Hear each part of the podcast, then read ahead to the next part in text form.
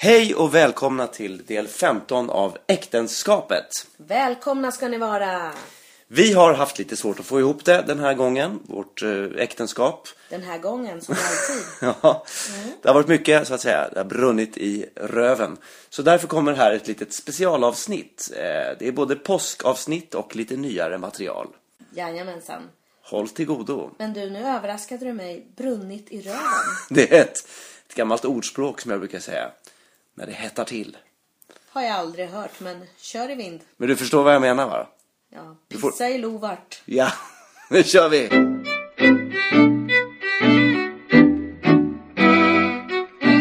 I påskens sista skälvande sekunder sitter vi här med ett påskägg faktiskt. Ja, men vi har svårt att äta det för då knastrar det så mycket i mikrofonen. Ja, och jag har godisförbud som jag just bröt. Dessutom ja. Mm. Men- Jobbigt. Ni är välkomna hit. Hoppas ni har haft en bra påsk. Mm. Eh, Du har vräkt i dig mat. Jag har känt mig lite så här mått, måttlig den här påsken. Jag har inte druckit för mycket, jag har inte ätit för mycket och jag har inte ätit godis. Det tycker jag är otroligt Vilket gör att jag känner mig lite så här eh, inte bra. Du Jag känner dig snuvad Jag på- känner att jag borde ha ätit mer.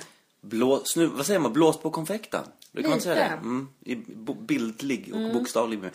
Nej men jag, jag, jag, jag kan känna så att jag längtar efter den stund när jag ska bli hungrig igen. Du är så mätt. Ja, jag har varit konstant mätt nu i många, många dagar. och Jag tycker att det är lite, känns lite... Förr i tiden så, så, så fastade man ju innan. Det fanns ju liksom ett, en, en slags eh, naturlig, ett naturligt frosseri efteråt. Man var tvungen att kompensera för det liksom alla borttappade kalorier. Jo, men jag tror inte heller att man åt i flera dagar som vi gör. Nej. Vi åkte runt och ätit på olika ställen och Ja. ätit hemma och... Man åt på natten. Man hade fastat som ett, som ett jehu i 40 dagar eller vad det var. Ja. Sen så käkade man efter klockan 12 på natten. Ja. Gick man in i ett heligt rum bakom kyrkan och åt ägg och lite socker och smör och sånt där. På kaka. Ja, och lite annat säkert också Tobias. Ja, Och så dagen efter var det säkert stor fest och man fick äta mer. ja Malin. Ja. Ja. Men nu Tobias har ju du, jag tror att du Ja, har gått Malin. runt och ätit ur barnens påskägg. Dessutom har jag gjort det. Ja, ja men jag har ätit. där, Och har funnits, där har funnits något att äta. och ändå så är du den som predikar måttfullhet i allt. Ja, hur kommer det sig? Ja, jag vet En inte. hycklare av Guds Ja. nåde. Verkligen. Ja, Judas. Ja. Mm. Ehm, känner du dig särskilt kristen? Eh, alltså, jag känner väl en längtan efter att det skulle vara lite mer kanske religiöst på under just den här högtiden. För vi har ju inte ens nämnt Jesus. Jag kollade på Kristi Vad är sista det du frestelse. saknar menar du? På påsk, på långfredag. Nej men lite ett, ett, ett eh, Är sammanhang. man religiös så är man. Ja, men jag tycker att vi firar någonting som vi inte känner till var det kommer ifrån riktigt. Men ehm, eh, du har ju då vräkt i dig under helgen och Mm. sådär. Och ehm, samtidigt som du då predikar måttfullhet. Så att den här hycklaren i dig. ehm, jag vet inte vart jag vill komma men jag vill bara säga vi har ju haft sånt fantastiskt väder. Ja. Och jag blir ju glad när solen skiner och jag har känt mig så här okristligt glad. Är det okej att vara glad under påsken? Ja, men ja, när är det man ska vara glad? Det är väl pingsten va? Som är passionens högtid. Ja, men vi ska ju glädjas ska åt att Jesus orgasm. uppstår. Ja, Vi ska ju inte glädjas åt att han korsfästes. Men, nej. Men du har varit glad? Ja, Ja. Men eh, du, det har väl du all rätt att vara, tycker jag. du tycker det? Ja. Mm. Vad är det du har varit så glad för då? Nej, vädret. Men du har inte varit ensam om det. Jag tycker man har sett många som har suttit ute i solen och smålett. Ja, men är inte det lite Fåraktigt. egentligen? Jo, kanske. Eh, jag tänker nu på påsken. Eh, jag pratade med din bror när vi var hemma hos din mamma häromdagen och åt Ja. mat och sådär. Och, eh, din bror hade ju ett påskminne av hur han står och tittar ut genom ett stort fönster och det kommer en påskhare där ute och skuttar fram och lägger ut små påskägg till barnen. Och några meter efter kommer du skuttande när du var sju år och plockar upp de där påskäggen. Ja. Och sen gömde du det någonstans och vräkte i dig godis. Ja. Och så sa din bror att det där minnet har han med sig så att han har alltid en känsla av att han alltid har fått lite för lite. Ja, jag vet. Han, han, brukar, han brukar nämna det ibland. Ja. Hur, hur känns det för dig att höra som lillebror? Nej, men jag vet inte. Alltså, jag... För det första så minns jag inte exakt. Han har säkert rätt i det där. Eh, och jag, jag minns ju att jag var ganska besatt av att få. Men jag minns ju det som att jag alltid fick minst. Och att det är därför jag har kompenserat genom att göra just såna här saker. För man var så rädd. Om det skulle vara rättvist och att alla skulle få det de skulle få. Så skulle ju han ta det där av. Han skulle ta det ifrån en efteråt. Förstår du? För att han var äldst. För att han var äldst ja, och fysiskt starkare. Så därför förekom ju jag honom genom att vara direkt på påskharen så att säga. Så att man hoppar, man hoppar lite fram i näringskedjan så att säga. För att slippa bli nedtrampad av honom. Det där är ju verkligen en dödssynd. Eller Frosseri, flera girighet. dödssynder. Ja, det är Ja. både girighet och frosseri och lögnaktighet och Ja. allt möjligt. Jag klippte nog, klippte nog de flesta dödssynderna där på en och samma gång. Och som sen då väcker vrede och avund. Och, Ja, ja. vi fick nog in hela skiten faktiskt. Ja, och där kommer vi in på det här hur svårt det är att fira påsk tillsammans i en stor familj. Mm. Eller överhuvudtaget att fira stora högtider ihop när alla har olika förväntningar och man är så många. Eller hur? Mm. Ja. Visst är det knepigt? Det är väldigt, ja, jag, jag har funderat mycket på det där. Jag tycker att det är jätteknepigt. Jag vet inte riktigt hur det ser ut. Man kan ju bara utgå ifrån sin egen familj, men det finns ju någonting när man ska ses att man eh, man, man vill ju gärna vara tillsammans. Det vill ju alla. Man vill uppleva den här gemenskapen och de här traditionerna och att man har en slags gemensam historia och sådär. Men så gör det ju också Ofta är det ju alltid någon som får stryka med liksom. Eller någon som får på något sätt stå tillbaka för de, för de andras skull. Det kan vara ett syskon till exempel som upplever att den aldrig får plats. Eller att den hela tiden blir överkörd och avbruten. Slutar med att den går ut och tar en cigarett eller går på en promenad eller något sånt där liksom. Eller så någon som hela tiden känner att den får stå och laga all mat och att ingen hjälper till och hamnar i köket och är lite sur för det. Eller som i, i, min- i min familj då så är det ju, det är ju vi är ju fyra, syskon, fyra helsyskon och det är en av oss som aldrig dyker upp liksom, på gemensamma högtider. Som, som man kan säga har tagit avstånd från familjen. Sådär. Men det är nog i alla familjer, i alla fall i alla släkter, så det, finns det ju alltid någon som inte kommer eller någon som inte kommer om en annan kommer. Eller, ehm, och, och hur svårt det är.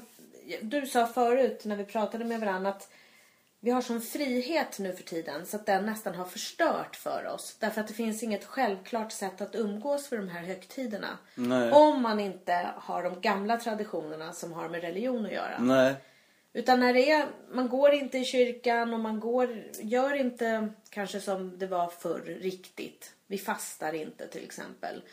Ehm, och när vi har den där friheten att vi kan lägga upp det precis som vi vill. Då kommer plötsligt också alla olika viljor in. Alla olika önskemål och tankar och vad som är bäst. Och det blir ju helt plötsligt ganska svårt. Och så ska man umgås under några få timmar. Jag känner inte så många som är väldigt re- religiösa, som firar väldigt religiöst. Utan de flesta jag känner, de har lite olika så här. Ja men det är ofta att man sitter och äter och pratar. Och i vissa familjer så sjunger man kanske någon låt som man inte riktigt vet varför man sjunger. Det kan vara vilken låt som helst egentligen. Eh, men det finns inga... Alltså har man inga traditioner då bygger ju allting någonstans på någon slags gemensam eh, gemensamt behov av att träffas bara. Och för alla är ju inte det ömsesidigt. All, för det första vill inte alla träffas. Ofta är det ju några barn som kanske inte förstår vitsen med att man ska träffas. Som hellre vill vara hemma och spela spel eller vara med kompisar liksom. Och bara det är ju så konstigt att man ska ifrågasätta. Att man börjar med att ifrågasätta liksom nödvändigheten av att ses. Det, det tycker jag, det tror jag är de flesta, alltså är det vissa, jag, menar, jag tänker så här, judiska högtider, jag tror inte man ifrågasätter det, varför man ska fira chanukka eller allt vad det heter. Liksom. Det är någonting man gör, det är vissa årstider där man gör vissa saker. Och man ifrågasätter inte det. Och det, nu i, i, jag tycker i vårt fall när vi försöker förklara för barnen varför vi ska träffas. Och då kan ju någon säga så här, men vi sågs ju för några dagar sedan. Och det kan man ju hålla med om va. Det var en middag för några dagar sedan. Och det är väldigt, man tvingas förklara det här med varför vi ska ses igen. Och för mig har det blivit ganska, jag tänker på att ens föräldrar blir äldre och det här med förgängligheten och man, man inser hur livet, hur skört livet är faktiskt och hur sårbar man är. För mig har det blivit ganska viktigt faktiskt att, att tänka på de här traditionerna. Och vad man ska föra vidare sen till sina barn. Att, vad, fan, vad, vad bygger vi hela vår existens på? Vad vilar vi på? Var kommer vi ifrån? Och i, i min släkt, vi, vi är ju ganska spridda. Vi har ju ganska många olika eh, grenar och rötter.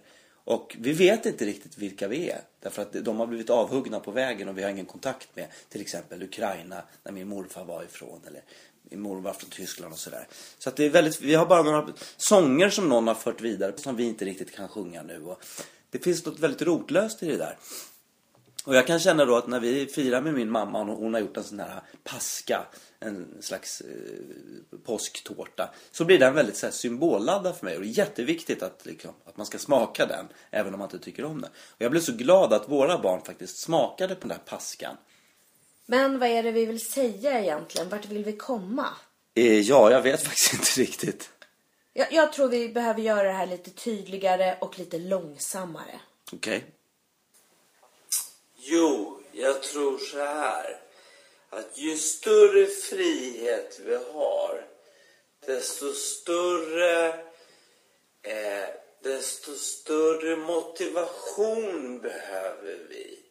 Och, och alltså för att kunna, för att ses. Och det får inte vara några konflikter. Och är det konflikter så blir det för jobbigt och då kan man sticka. Då kan man välja så här, men det här behöver inte jag ta, jag kan dra härifrån. Och jag tycker bara att man har det valet gör ju att man börjar, man, man ifrågasätter allt till slut. Varför ska jag prata med den här? Varför ska jag sitta här? Eh, och då blir det, då blir det för... Eh, jag vet inte. Jag tycker, att det, är- det, är- jag tycker att det är väldigt mycket som går förlorat helt enkelt i det. Att vi har för mycket frihet. Ja, men det tror jag med. Alltså, förut samlades man kring kyrkan. Eller man hade ett gemensamt projekt på gården. Eller åkern. Ja. Eller djuren. Som bara var tvunget att bli gjort. Och det blev lättare och roligare om alla hjälpte till. Och sen kunde man sätta sig ner. Då hade man gjort någonting tillsammans. Ja, Då kunde man sätta sig och njuta tillsammans av maten. Nu kommer vi från så många olika håll och så ska man sätta sig ner och så ska man liksom avhandla, ha, hur är det, hur mås det, hur är det på jobbet, hur är det med barnen, allt sånt där. Och så är det någon som hellre vill göra någonting annat. Åka skidor i fjällen eller liksom, man vill göra olika saker. Men kan det vara så då att vi så, vi så utlämnade till, till pratet och att vi ska hitta gemensamma referenser hela tiden? Ja, Och förr i tiden så gjorde man ju mer så. Man kanske gjorde mer så. Dels kanske man sjöng mycket mer. Och man kanske gjorde... De här ritualerna tog så lång tid så att det fanns inte så jävla mycket tid kvar att sitta och prata och försöka hitta gemensamma referenser. Nu är vi så utlämnade till pratet och att allting ska klicka i pratet liksom. Ja, och vi blir Så- otroligt kränkta. Det räcker att någon lägger sina ord lite fel eller har fel nyans så kan vissa bli så kränkta så att de bestämmer sig för att aldrig mer ses. Ja, Men hade man haft en åker att plöja ihop hade man kanske inte haft tid att snacka.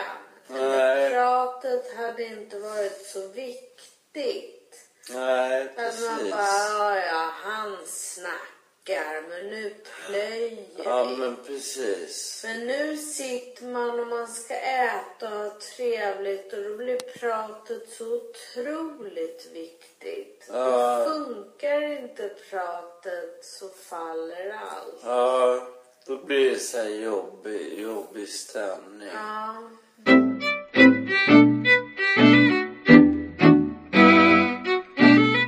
Sa någonting om Dogge som du hade läst i tidningen häromdagen. Det var någon bilaga om Latin Kings. Ja, han sa att när han, när han hade förlorat, hans fru gick ju bort i cancer och när hon, när hon gick bort så hade hans mamma sagt Men Dogge, var det, det, var, det, det var väl skönt i alla fall att hon gick bort så fort och att hon inte behövde lida. Och efter det så pratade inte han med henne på nio år. Och nu efteråt, så, efterhand så kunde han ju säga att hon menade ju bara väl men att för honom blev det väldigt tungt just då och sådär. Men, eh, ja. Men jag måste säga att jag tycker ändå att vi, jag menar det har varit en ganska, nu låter det som att vi har haft det sådär i påsk. Och så, tycker, så har det absolut Nej, inte varit. vi har haft en bra Vi har haft en påsk. jättetrevlig påsk. Men vi har varit- funderat mycket Kanon. över det här med släkter och så. Vilka som inte är med och vilka som inte kommer. Kring det temat. Och Vi pratade om hur står man ut med varandra. Om man nu inte har såna här fasta traditioner och gemensamma projekt. Som att man ska bygga en lada eller man ska skörda tillsammans eller man ska måla om ett hus. Eller om de gemensamma projekten och de här eh, så, angelägenhetsgraderna som man borde k- f- eh, samlas kring. Om Ja. det inte finns så eh, blir det väldigt lätt just det där som du sa. Att det blir på någons bekostnad när man ses. Någon som inte kommer till sin rätt. Eh, och så kan det ju vara i en syskonskara hela ens liv. Från det att man är liten. Alltså hur ska man stå ut med varandra? Och jag har tänkt jättemycket på det där och nu sticker jag ut hakan lite. Men jag tycker ofta att eh, killar är mycket jobbigare än tjejer när de är små. Och att man hamnar väldigt ofta i att man lockar och lirkar väldigt mycket med killar. Ja. Och um, att man försöker sätta gränser och det är svårt. Så att det där med att är nej verkligen alltid ett nej börjar redan när de är små. Det tycker jag är lite obehagligt om man tänker på var finns vuxenvärlden med i den kedjan. Att unga killar eller vuxna män sen inte fattar när en tjej säger nej, jag vill inte. Nej. Om man aldrig har fått ett nej hela sitt liv. Man har tjatat om krigsspel eller man har tjatat om att få sitta uppe sent på kvällen. Eller man har tjatat om att få nya grejer. Om det först är nej och sen ger man med sig och så blir det till slut att de får sin vilja fram i alla fall. Du menar att vi uppfostrar våldtäktsmän? Är det lite se- det du säger? Ja, fast Det är det du klart, säger. Ja, det är klart att inte alla blir det. Men jag tror att vi har en sån kultur. Varför lirkar man så mycket med killar? Jag vet inte vad som är en social kultur. e- Eller vad som finns medfött. Men är det, kan det vara någonting då? För jag tänker att förr kanske killarna fick mer stryk. När de var små. Ja. Om de inte bet... Alltså, jag tänker på det där som du har pratat om ibland. Hur indianer, vissa indianstammar gjorde när de uppfostrade sina barn. Att det var varannan tutte och varannan örfil. Ja, man lärde dem att de inte fick gråta när man ammade dem. Så att de fick inte gråta när man slog dem för att de skulle kunna vara knäpptysta när fienden närmade sig. Ja, så att... Så att de gjorde något sånt där att de ammade och kunde slå på kinden och då skulle de vara tysta. Eller så var det så, nu när du säger det låter det så konstigt. Kan det ha varit så att man slog dem på kinden och de fick inte gråta men de fick bröstet kanske? Ja, jag, nej, jag, jag måste ha misstolkat den där helt, men... jag tolkar den som att de visste aldrig liksom, när de hade gjort rätt och fel, utan det var någon slags chock. Det var bara någon slags chock liksom. Att ibland så fick de tutten och sen så nästa sekund när de gjorde någonting så fick de en smäll så att de alltid var lite på sin vakt liksom. Vad blir det nu? Och så skulle de bara se det som en bonuseffekt när, Nej men det tror när inte jag. Det, kom. jag tror inte det Så blir att de var på helspänn Det blir ingen framgångsrik stam. Ja, det låter som en psykopatstam Ja, alltså. ja. Det, var, det var det där indiansläktet som dog ut liksom. För att Ja, alla gick i cirklar och. Ja. talade i tungor och var förvirrade. Men det här som du säger med killar som, jag, jag har också hört, jag har ju massa kollegor som beskriver att de har antingen haft småsys, småsystrar där, där bröderna i familjen har trakasserat dem. Alltså Mm. mobbat systematiskt genom hela jävla upp, uppväxttiden. Eller att de själva har haft storebröder som har varit riktigt förjävliga liksom. Det, fin- det finns säkert också tjejer som har slagit sina syskon och trackat dem på olika sätt. Men just det där med faktiskt fysisk, eh, eh, fysisk terror Ja. av en storebror. Vi har hört av så många nu. Och, eh, och sen också psykisk terror, att det fortsätter liksom i Ja. vuxen ålder. Och jag kan ju se, du kollar, nu ska vi inte, jag vill inte lämna ut våra barn, men man, om, man kan, om man ser på vår, vår mellandotter, jag tycker till och med att hon har svårt att försvara sig fysiskt mot, mot sin lillebror. Att hon tar inte, hon tar aldrig riktigt i, hon tar aldrig i med full kraft mot honom tycker jag. Jag, jag ser inte riktigt det. Medan han kan satsa järnet och liksom kasta eh, bestick på henne, alltså när han var väldigt liten.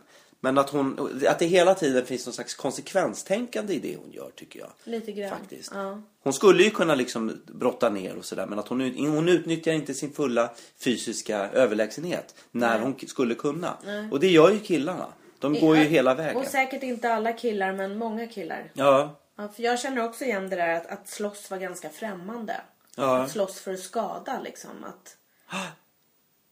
Jag vet inte om killar gör det mer obekymrat och utan att tänka efter så mycket. och kanske inte får lika mycket skäll för det efteråt. Och det här med lärjungarna. Jesus lärjungar, om vi nu ska återknyta till påsken. Hur höll de ihop i gruppen? För det var ju som, det kan man ju säga var som en slags familj. Där de följde en slags fadersfigur, Jesus då. Men om Jesus var pappa och hade tolv vuxna män med sig. Var, han var en ganska, de var ju ganska lika i ålder om jag har förstått det rätt. Ja, Eller kanske någon lärjunge till och med var äldre Ja, än vad han måste var. han förmodligen ha varit, ja. Men om han ändå var den här herden och hans lamm då som han förde fram. eh, Han måste ha varit helt opålitlig. som faders gestalt eller som... Ja, Ja. alltså som en manisk, påtänd... Jag vet inte vad. Ena stunden predikade han kärleksbudskapet och nästa stund sa han att nu är det våld och svärd och blod som gäller. Och sen plötsligt försvann han iväg i flera dagar och ingen visste var han var och kom tillbaka med någon ny idé. Och... Helt utmärglad liksom, hade fastat och Ja, hade sett olika syner och olika Ja. mirakel hade skett. och... hallucinera och liksom så att åt dem vad han hade sett och vad som gällde. Och att de liksom köpte det. Ja. För att han sa det här har Gud sagt. Gör så här nu. De måste ha varit helt utlämnade åt varandra när han var borta. Och hur, var, det- hur gjorde de då? Kanske Men, också satt och väntade bara. ja. Som så här trogna hundar som sitter och väntar på sin ägare. ja, jag tror att de bråkade och tjafsade om småsaker. Och då kanske det natten. också var någon då i hans frånvaro när han satt i någon cirkel i öknen och såg syner. Då var det någon där som försökte upprätthålla. Nej, Jesus har sagt att vi ska göra så här och nu ska vi tänka. Och så kanske de bråkade om det. Och sen när Jesus kom tillbaka med helt nya bud. Då var det ju skitjobbigt för den som hade suttit Och försvarat hemma. det där Ja. och hävdat liksom. Ja, Gamla... Då var det gammalt och förlegat och var inte vatten värt. Ja. Men du, apropå påsk. Eh, nu för tiden, vi har ju knappt pratat om Jesus under påsken. Däremot har vi pratat mycket om påskharen. ja. Vem Precis. är den där påskharen? Jag har aldrig förstått det. En hare som lägger ägg. Ja, det där är ju skitkonstigt för att harar lägger ju för det första inte ägg. Och ofta så, man förknippar det med, jag vet inte, jag associerar ofta haren till en kille, till en manlig hare. Ja, jag tänker också att det är en manlig hare som kutar runt. Och att den är, alltså att det är en kåt hare. För harar är ju, alltså, de eh, föder ju väldigt många barn. Men då tänker du att det är en kåt påskhare? Jag får alltid, jag får alltid, jag tycker att det är en bock alltså, en harbock. alltså på något sätt att det är en, det är något snuskigt där i skogen. Som springer och lockar barn med godis. För, för det är ju ganska konstigt. Man ska inte ta emot godis av främmande. Nej. Har vi talat om för våra barn. Men plötsligt är det okej att en hare kommer och skuttar runt bland buskarna och lägger ut sötsaker. Ja. Som barnen ska äta. Ja. Det är som en drömsituation för en pedofil. Ja, det är en pedofil. Påskharen är en pedofil, kan vi ju komma, eh, konstatera.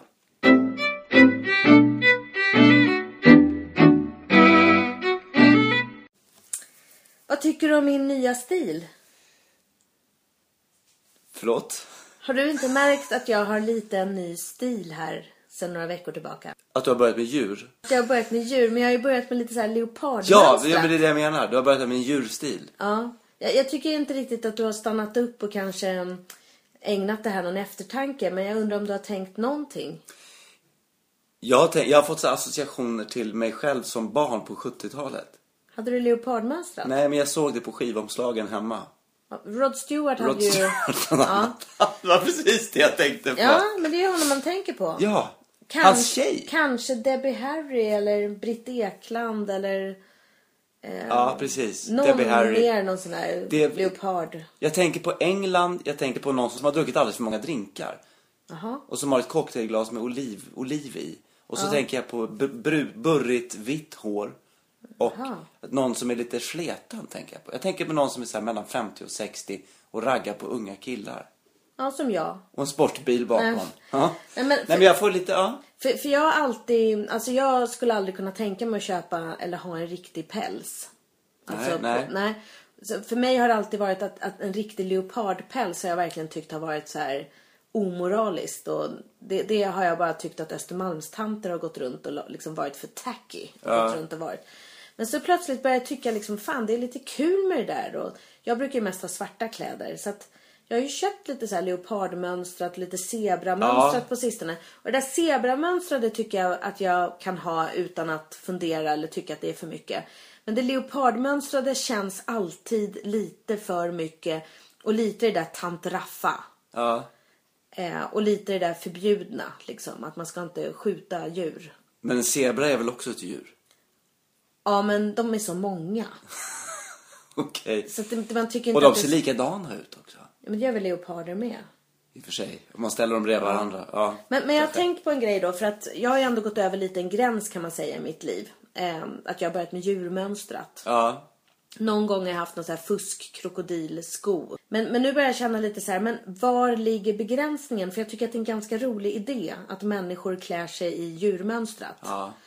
Eh, ekologiskt såklart och djurvänligt. Men då, då har jag börjat tänka på um, varför stanna vid leopardmönstrat eller zebramönstrat? Varför inte ta det ett steg längre? Om man kanske skulle göra kläder av människoskinn. Ja. Och då finns det ju olika nyanser på skinn som man kan välja. Men då tänkte jag om man skulle ha vitt skinn och göra en skinnjacka. För det första tror jag inte att det skulle vara så snyggt Förlåt, med... jag trodde du sa fittskinn. Nej. Förlåt. Och så Men gud, du är kuk. jättekonstig. kukskinn. Ja, men, Ja. men jag känner lite att du sabbar mitt Nej, upplägg. absolut tvärtom. Så skulle du inte känna Nej. det. Nej. Jag tänkte på att om man skulle ta en vit människas skinn och sy en skinnjacka av till exempel. Ja. Eh, dels tror jag inte att färgen skulle vara så snygg. Men då tänker jag också så här, om man går ut i den här vita skinnjackan en solig dag. Blir skinnjackan rosa då?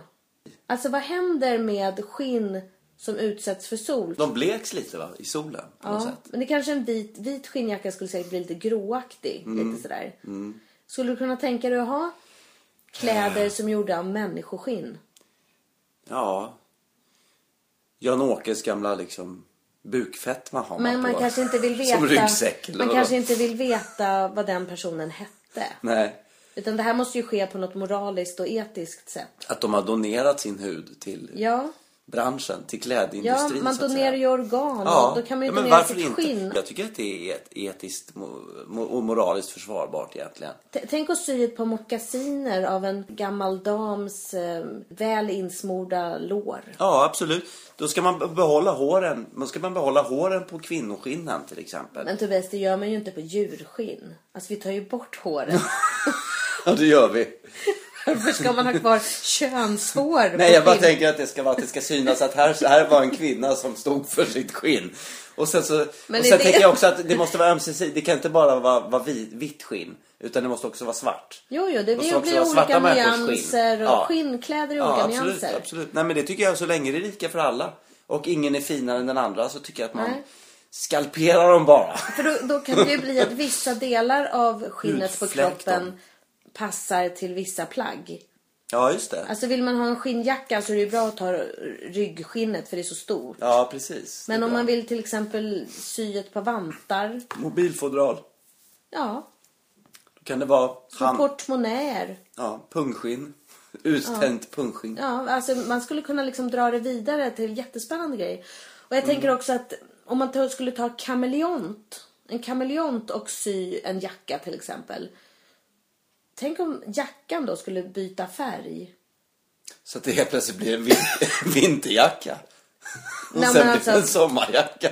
Ja, men då var det inte bara färg Tobias. Då var det ju liksom att den byter allting. Ja, nej men det var ju faktiskt en, det var ju en skitbra idé. Alltså då skulle man ju kunna, det skulle kunna vara något som militärer skulle kunna använda sig av. Ja. Man kan se ut som både bergvägg och åker och eh, gegga. Ja, och urban. Eller gran. Ja, skit. Fan vilken idé. Tegelvägg.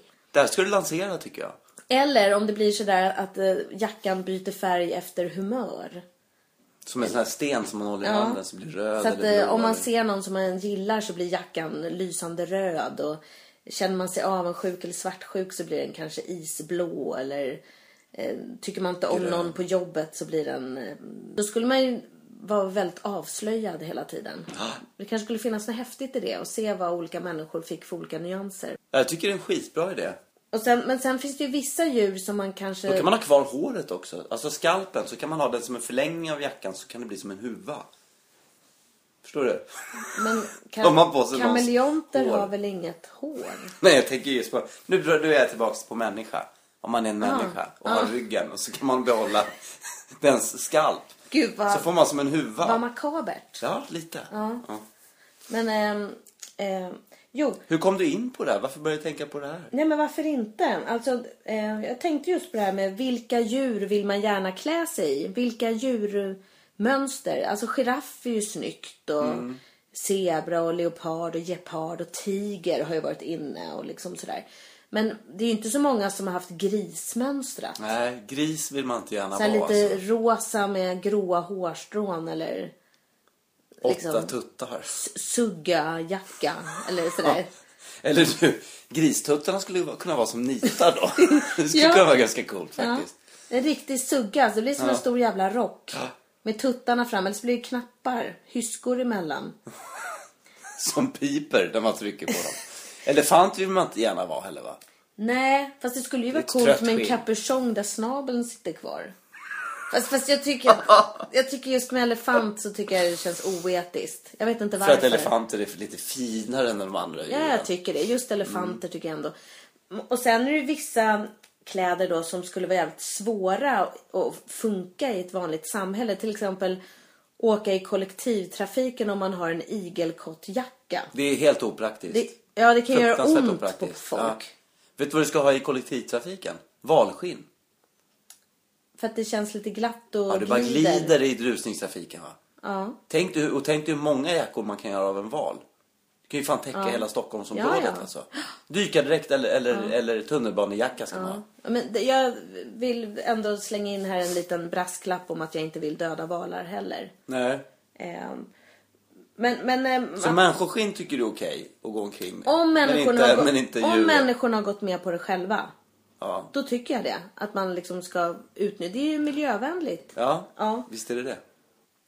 Eh, och sen, jag, jag, jag tänkte på det här med eh, nu på Melodifestivalen. Mm. Vad tyckte du om eh, Conchita Wurst då?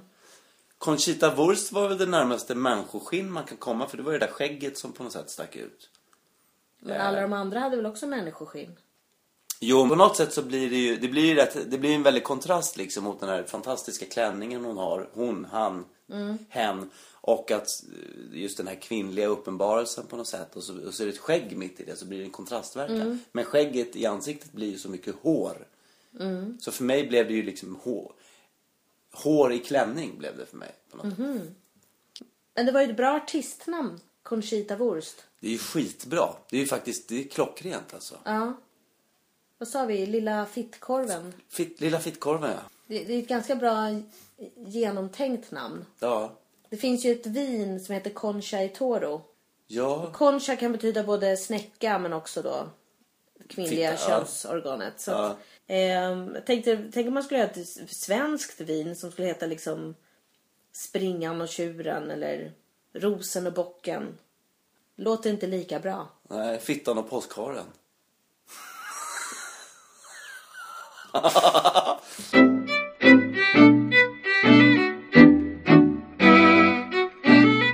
Du, jag har en fråga till dig. Ja. Eller rättare sagt, du sa en sak här om veckan som jag la på minnet och tänkte det här var alldeles för bra. Det här ska jag aldrig glömma. Det här ska jag använda emot honom. Jaha, det var trevligt att höra. Nej, men jag tänker lite grann på det här. Eh, Du har ju ett konstnärligt yrke. Du är ju skådespelare. Ja. Och jag är ju lärare men håller på med stand-up också. Så jag känner mig också att jag är ganska kreativ och. Absolut. Ja.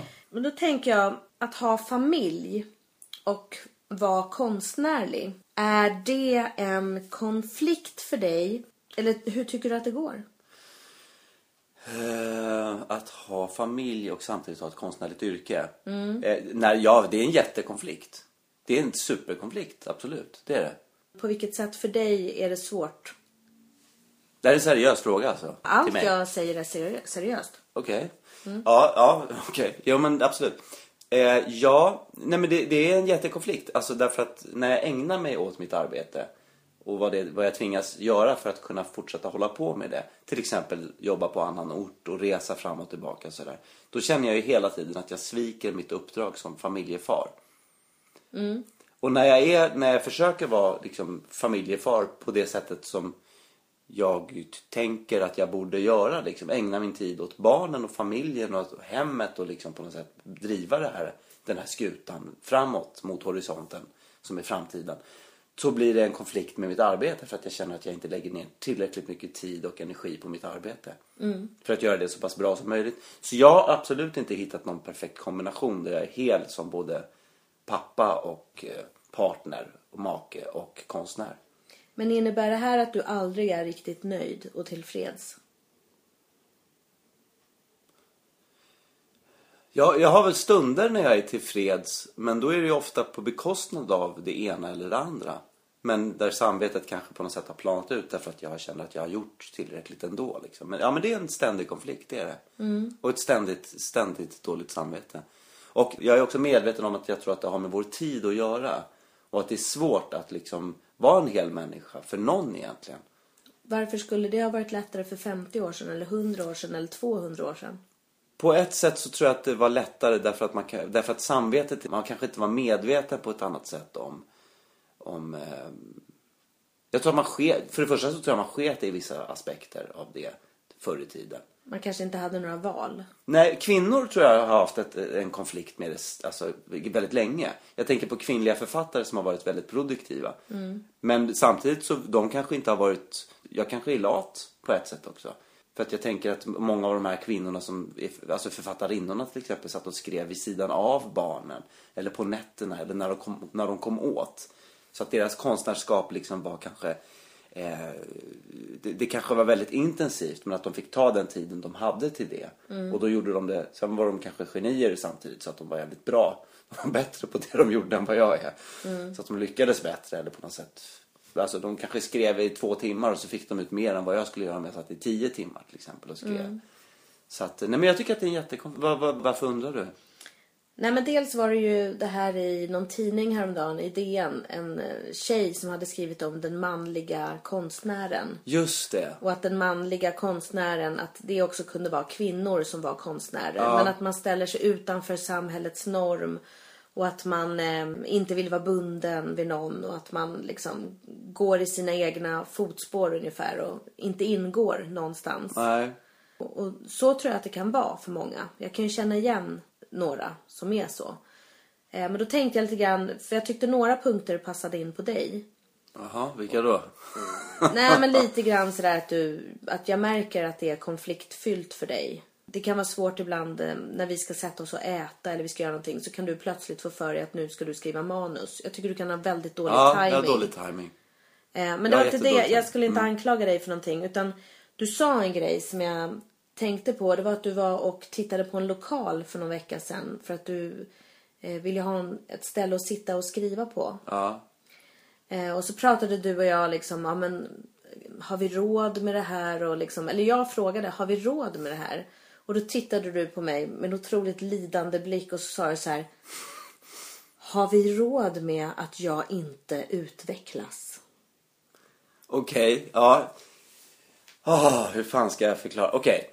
Ja, jag och minns du att jag vet, jag, sa jag bara så. kände så här, någonting i mig skrattade Ja, så här kan jag säga. Vad jag menade var ju inte min personliga eller liksom mentala eller andliga utveckling. Utan jag menade rent finansiellt. Har vi råd med att jag skriver gratis år ut och år in? Alltså, har vi råd med att mitt skrivande eller mina olika projekt då, som är vid sidan av skådespeleriet som jag försöker utveckla. Har vi råd med att, de aldrig, att det aldrig blir någonting av det? Har jag råd att skriva för skrivbordslådan? Fast Förstår jag du? Det var- det var så jag menade. Fast jag tycker det är så roligt för jag tycker att du alltid vänder på det. Om du säger så här, nu ska jag skriva musik. Så börjar du med att köpa en dyr dator och ett dyrt datorprogram och liksom massa specialeffekter. Istället för att börja med en melodi på gitarren och sen men kanske gå in i studion. Ja men jag förstår vad du menar. så Men så jävla dyrt har det inte varit. Det har varit hobbyprojekt liksom. men, Faktiskt. ja, men jag tycker att det är en rolig vändning liksom. En rolig vinkling på frågan. Nej jag tycker inte att det är en rolig vinkling på frågan. Jag tycker du är larvig nu faktiskt. Tycker du? Ja för du, nu försöker du sätta dit mig. För då kan jag säga så här, nu har jag hållit på med stand-up i fem och ett halvt år. Har vi råd med att jag inte säger upp mig på mitt jobb och ägnar mig helhjärtat åt stand-up? Ja, så skulle man kunna säga. Så Har skulle, vi råd? Ja, så, här, så här skulle man kunna säga. Å ena sidan, så du, om, du skulle, om du skulle komma upp, nu kan ju du aldrig komma upp i den liksom, lönen som du har som lärare om du skulle ägna dig åt stand-up idag. Det kan du, inte- du kan ju inte bara säga upp ditt lärarjobb och sen så tro att du kommer att tjäna, ha lika bra månadslön om du skulle ägna dig åt stand-up på heltid som du har när du jobbar som lärare på heltid. För det, så vet vi att verkligheten inte ser ut. Å andra sidan, så, jag, jag, skulle vilja säga så här. Har vi råd att, att, har vi råd att du ska sluta med stand-up nu helt plötsligt?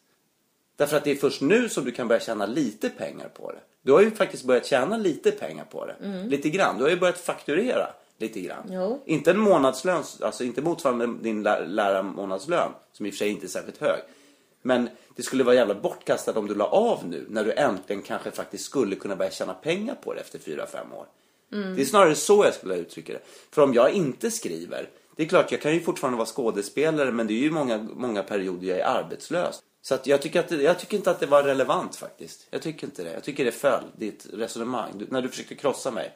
Jag blev inte krossad. Nej men jag vill inte Jag känner mig vara, inte krossad. Jag vill inte att du ska vara krossad. Ja, vad vill du då? Men, men, ty- Vart vill du men nu, komma nu det när jag sa hur du uttryckte dig.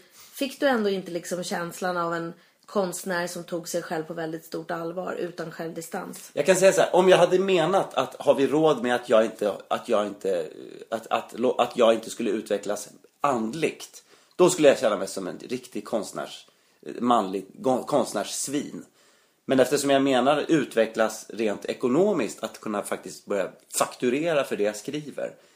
Det var så jag menade. Och då tycker jag att den där tusenlappen som det kostar med lokalen i månaden som jag dessutom kan dra av då på företaget. Den är så otroligt, det, det är inte en särskilt hög kostnad. För att jag ska kunna sitta och faktiskt få någonting gjort med mitt skrivande. Istället för att sitta här hemma liksom och samtidigt försöka sköta hemmet och så. Menar du att du har försökt sköta hemmet när du har skrivit?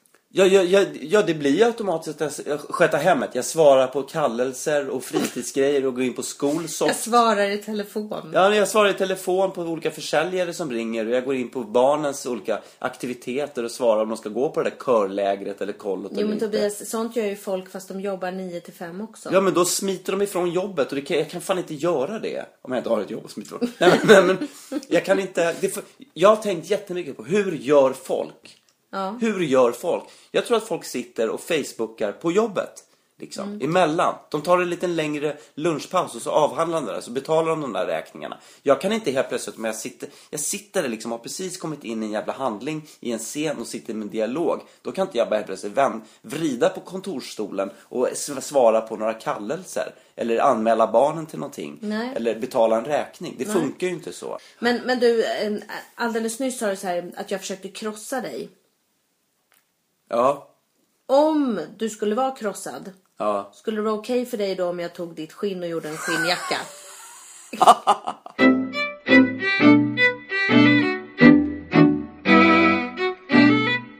Men du, apropå det här med manligt, kvinnligt och hit och dit så. Så kan jag ibland känna mig så här, ja nu, nu borde jag känna mig träffad. Eller ja, nu, nu handlar det om oss män igen och sådär.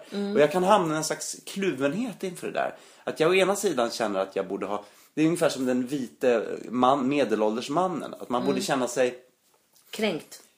Nej, utan man borde känna sig drabb, anklagad Ja. Mm. och få lite dåligt samvete och rannsaka sig själv. Är jag en sån här? Och ofta är man ju kanske det omedvetet, att man Mm. tar större plats än vad man kanske får eller så. Man kanske borde lämna lite mer plats och sådär. Och det är väl bra att man börjar bli medveten och tänka på det. Eller att du är en prioriterad grupp. Ja, absolut. Ja. Och att man borde förstå det, att man, man, man är prioriterad så. Mm. Det finns folk faktiskt som har det sämre liksom. Eh, samtidigt så är det väldigt många såna här eh, grejer som jag kan känna att jag har ofta känt mig som en kvinna. I den aspekten. Jag har ofta känt mig som den yngsta, den minsta, den mest förbisedda. Eh, och faktiskt när det gäller det här på, på, eh, med diskriminering på arbetsplatsen och även det här med övergrepp faktiskt. Och sexistiska liksom, attacker och sånt där. Eh, sexuella, vad, vad heter det? Eh, Trakasserier. sexuella trakasserier. Så jag, jag, jag kommer ihåg det, jag var med i en pjäs och så, och så hade de glömt att förnya mitt kontrakt på den nya pjäsen. Och det är den idealiska förhandlingssituationen för en skådespelare. För då kan man kräva mycket högre lön och då får de välja, ska de plocka in någon ny fast man redan har börjat repetera eller så ska de gå med på det man har, har, har krävt och så att säga. Då vet jag att det var en kvinna som var med i samma ensemble som jag. Hon gjorde exakt samma hon hade, vi hade samma, lik, liknande roller i storlek.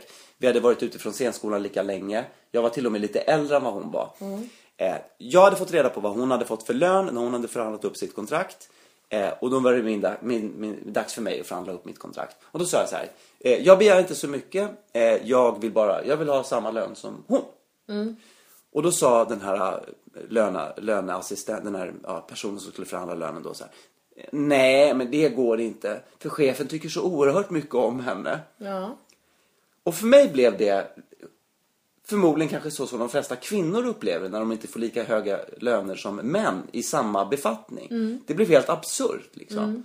Förutom att hon uttryckte sig jävligt dumt för det var ungefär som att chefen inte tyckte om mig. Ja, men Och det är så det blir. Människor i ledningsposition kan ju inte uttrycka sig på det sättet. Nej, hon var, ett, hon var ett pucko som inte visste hur man pratar med en människa och inte hur man pratar med en skådespelare. Eh, och där, där upplevde jag förmodligen det som de flesta kvinnor upplever till vardags. Att de blir förbisedda och de blir omsprungna av sina jämnåriga eller yngre manliga kollegor. Men det var liksom, det var en sån händelse. Och sen så var det en situation till och det var faktiskt på samma teater så, så var det när den personen blev chef. Och det var när jag skulle bli anställd på teatern. Så kom jag dit och då var det en, en, eh, jag tror att det var en, det var, det var spelfritt, det var en måndag kanske. Och det var en kväll så det var liksom ingen annan i huset. Det var bara han och jag. Vi skulle gå upp på chefsrummet för att prata om den här anställningen. Att han, ja vill du börja jobba på den här teatern då Tobias? Och så. Ja. Så åkte vi i hissen och vi var helt själva och teatern var släckt och stängd. Jag visste att han var homosexuell. Eh, jag kände honom, en trevlig herre sådär va. Eh, och då sa han så här, ja du Tobias nu är det bara du och jag här på teatern i, i hissen. Och ja det stämmer, det är bara du här. Ja, tänk om jag helt plötsligt skulle ta fram min batong och slå ner dig. Då finns det inga vittnen. han.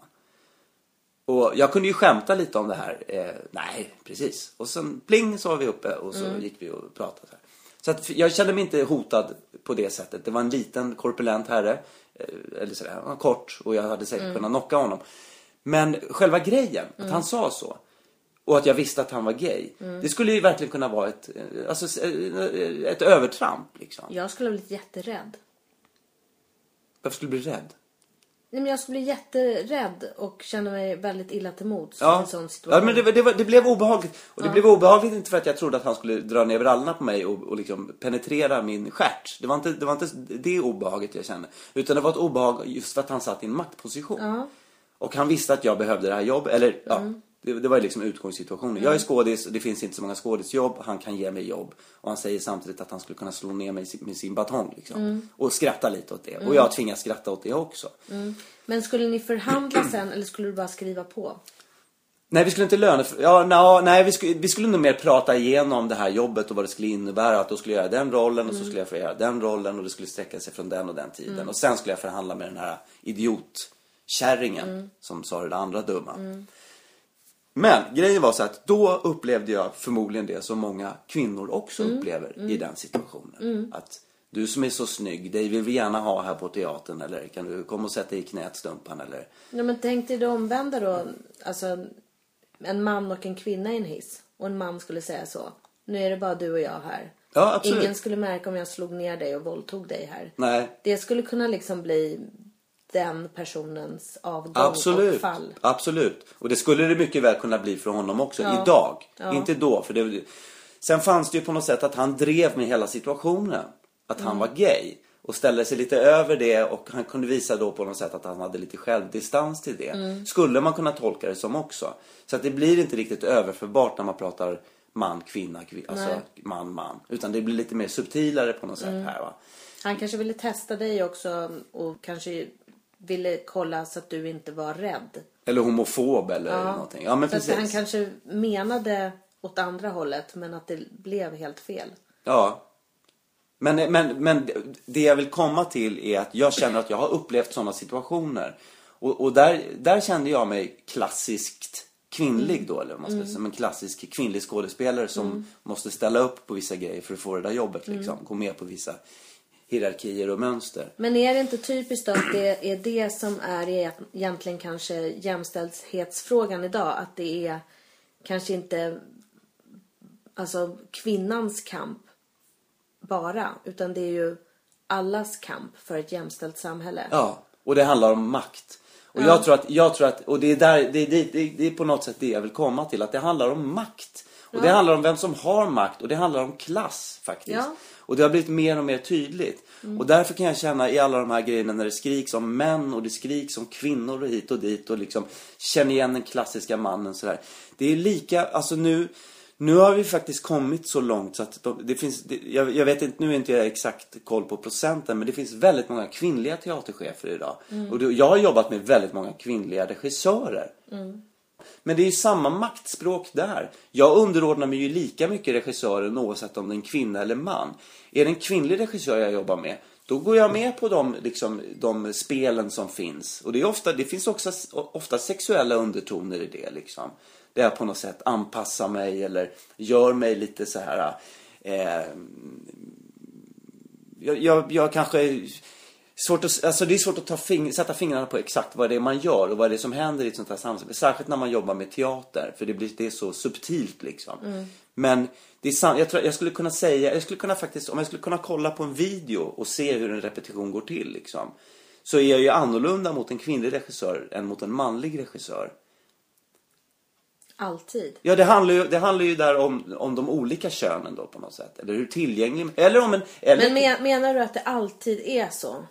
Alltså det måste ju finnas kvinnliga regissörer och kvinnliga chefer som inte anspelar på sex eller försätter dig i en situation där du måste anpassa dig. Jag menar inte att man spelar på sex, men det finns hela tiden en slags anpassning till situationen beroende på... Jag menar, nu stod han i hissen där, den här manliga teaterchefen. Och vi blev, jag skämtade lite, jag var ju väldigt mån om att visa att jag inte är homofob till exempel. Hade jag varit homofob och hatat bögar och ändå hade tagit det här jobbet. Då hade jag ju varit tvungen att spela att jag inte var homofob till exempel. Jag hade inte kunnat stå för de åsikterna i den hissen. Med honom. Nej, men hur många som är homofober skulle reagera öppet i en sån hiss, i en sån situation? Nej men det kanske- hade man ju inte gjort. Det hade ju varit osmart bara. Det är antagligen något som hade kommit ut sen i något vidrigt näthat eller Ja, någonting. precis. Eller i logen att man stod och skämtade om bögar eller något sånt där. Men jag menar att det, den här typen av anpassning finns ju överallt. Men den, har ju väl, den har ju med sex att göra också. Att man är medveten om vem den andra är. Jag måste, för en kvinna till exempel, om det är en kvinnlig regissör, då måste ju jag visa till exempel att jag har inget emot att jobba med kvinnliga regissörer. För att det finns ju många... Hur ju... visar du det då? Att du lyssnar, du lyssnar och väntar på din tur och gör som hon säger? Jag tror att jag kan se utifrån deras, alltså utifrån deras ögon varför de väljer. Det kan ju ha att göra med att jag kanske är, att jag kanske upplever att jag faktiskt är kvinna också. Eller att jag, jag har liksom kanske mer, jag är inte så typisk. Vänta, ursäkta. Vart, vart vill du komma nu? Nu fattar jag ingenting. Nej, nu blev det snurrigt. Jag menar inte så, men jag menar bara att eftersom jag, upple jag upplever mig inte som den här mannen som det skrivs om i tidningarna. Utan jag upplever mig kanske mer som en... Eh, jag, jag, känner, jag känner mig inte, jag, jag går inte omkring liksom och är... Nej, nu blev det jättekonstigt. Nej, vi, nu- släpper det. Ja, nu tänker jag bara Släpper kalla dig för Conchita Wurst och så är det slutpratat.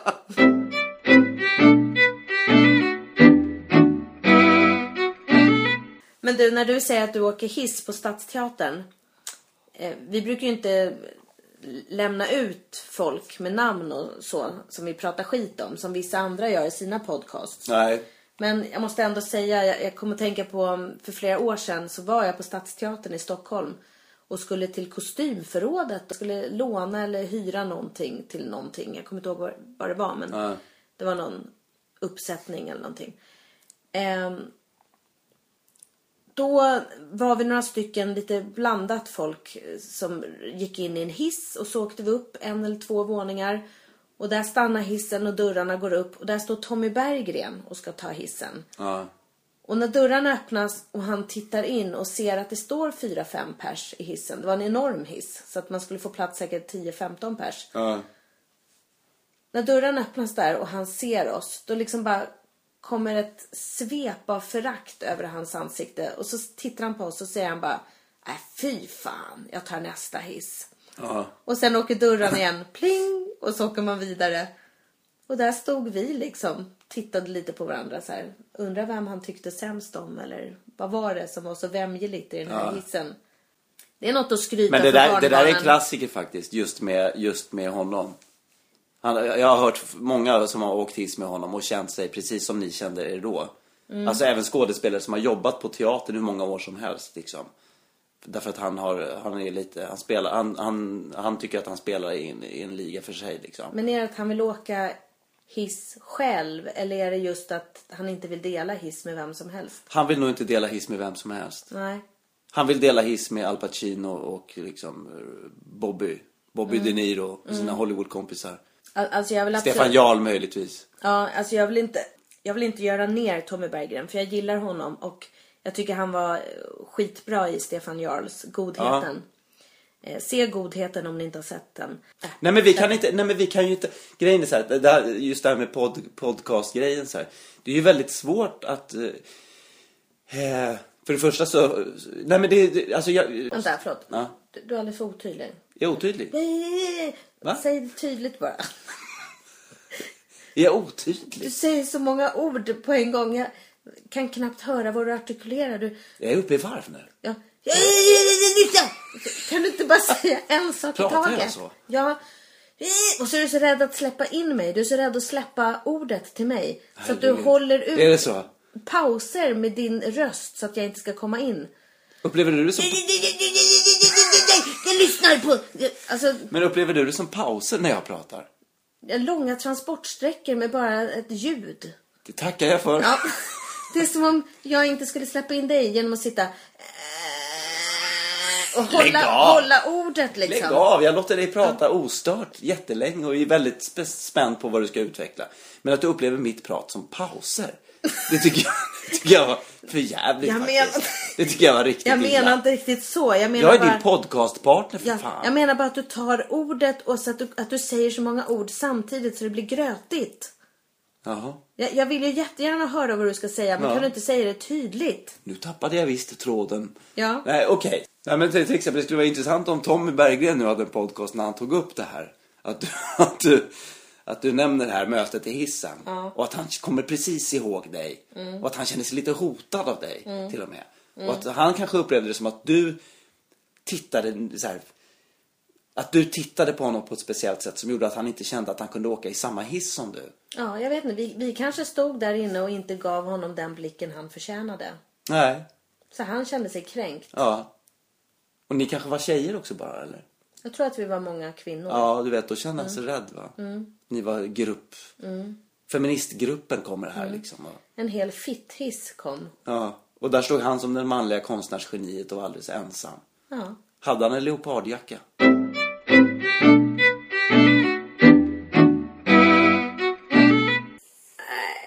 Blev det här något som var kul att lyssna på? Nej, jag vet inte. Tyckte det kändes uh, halvbra. Kan vi använda oss av det här? Jag vet inte. Jag är helt slut nu. Men tycker du verkligen att jag pratar sådär fort? Och blajar bara?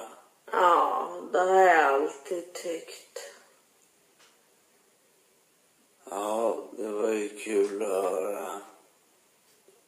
Men jag älskar dig ändå. Jag älskar dig också. Nu går vi och lägger oss. Ja, det gör.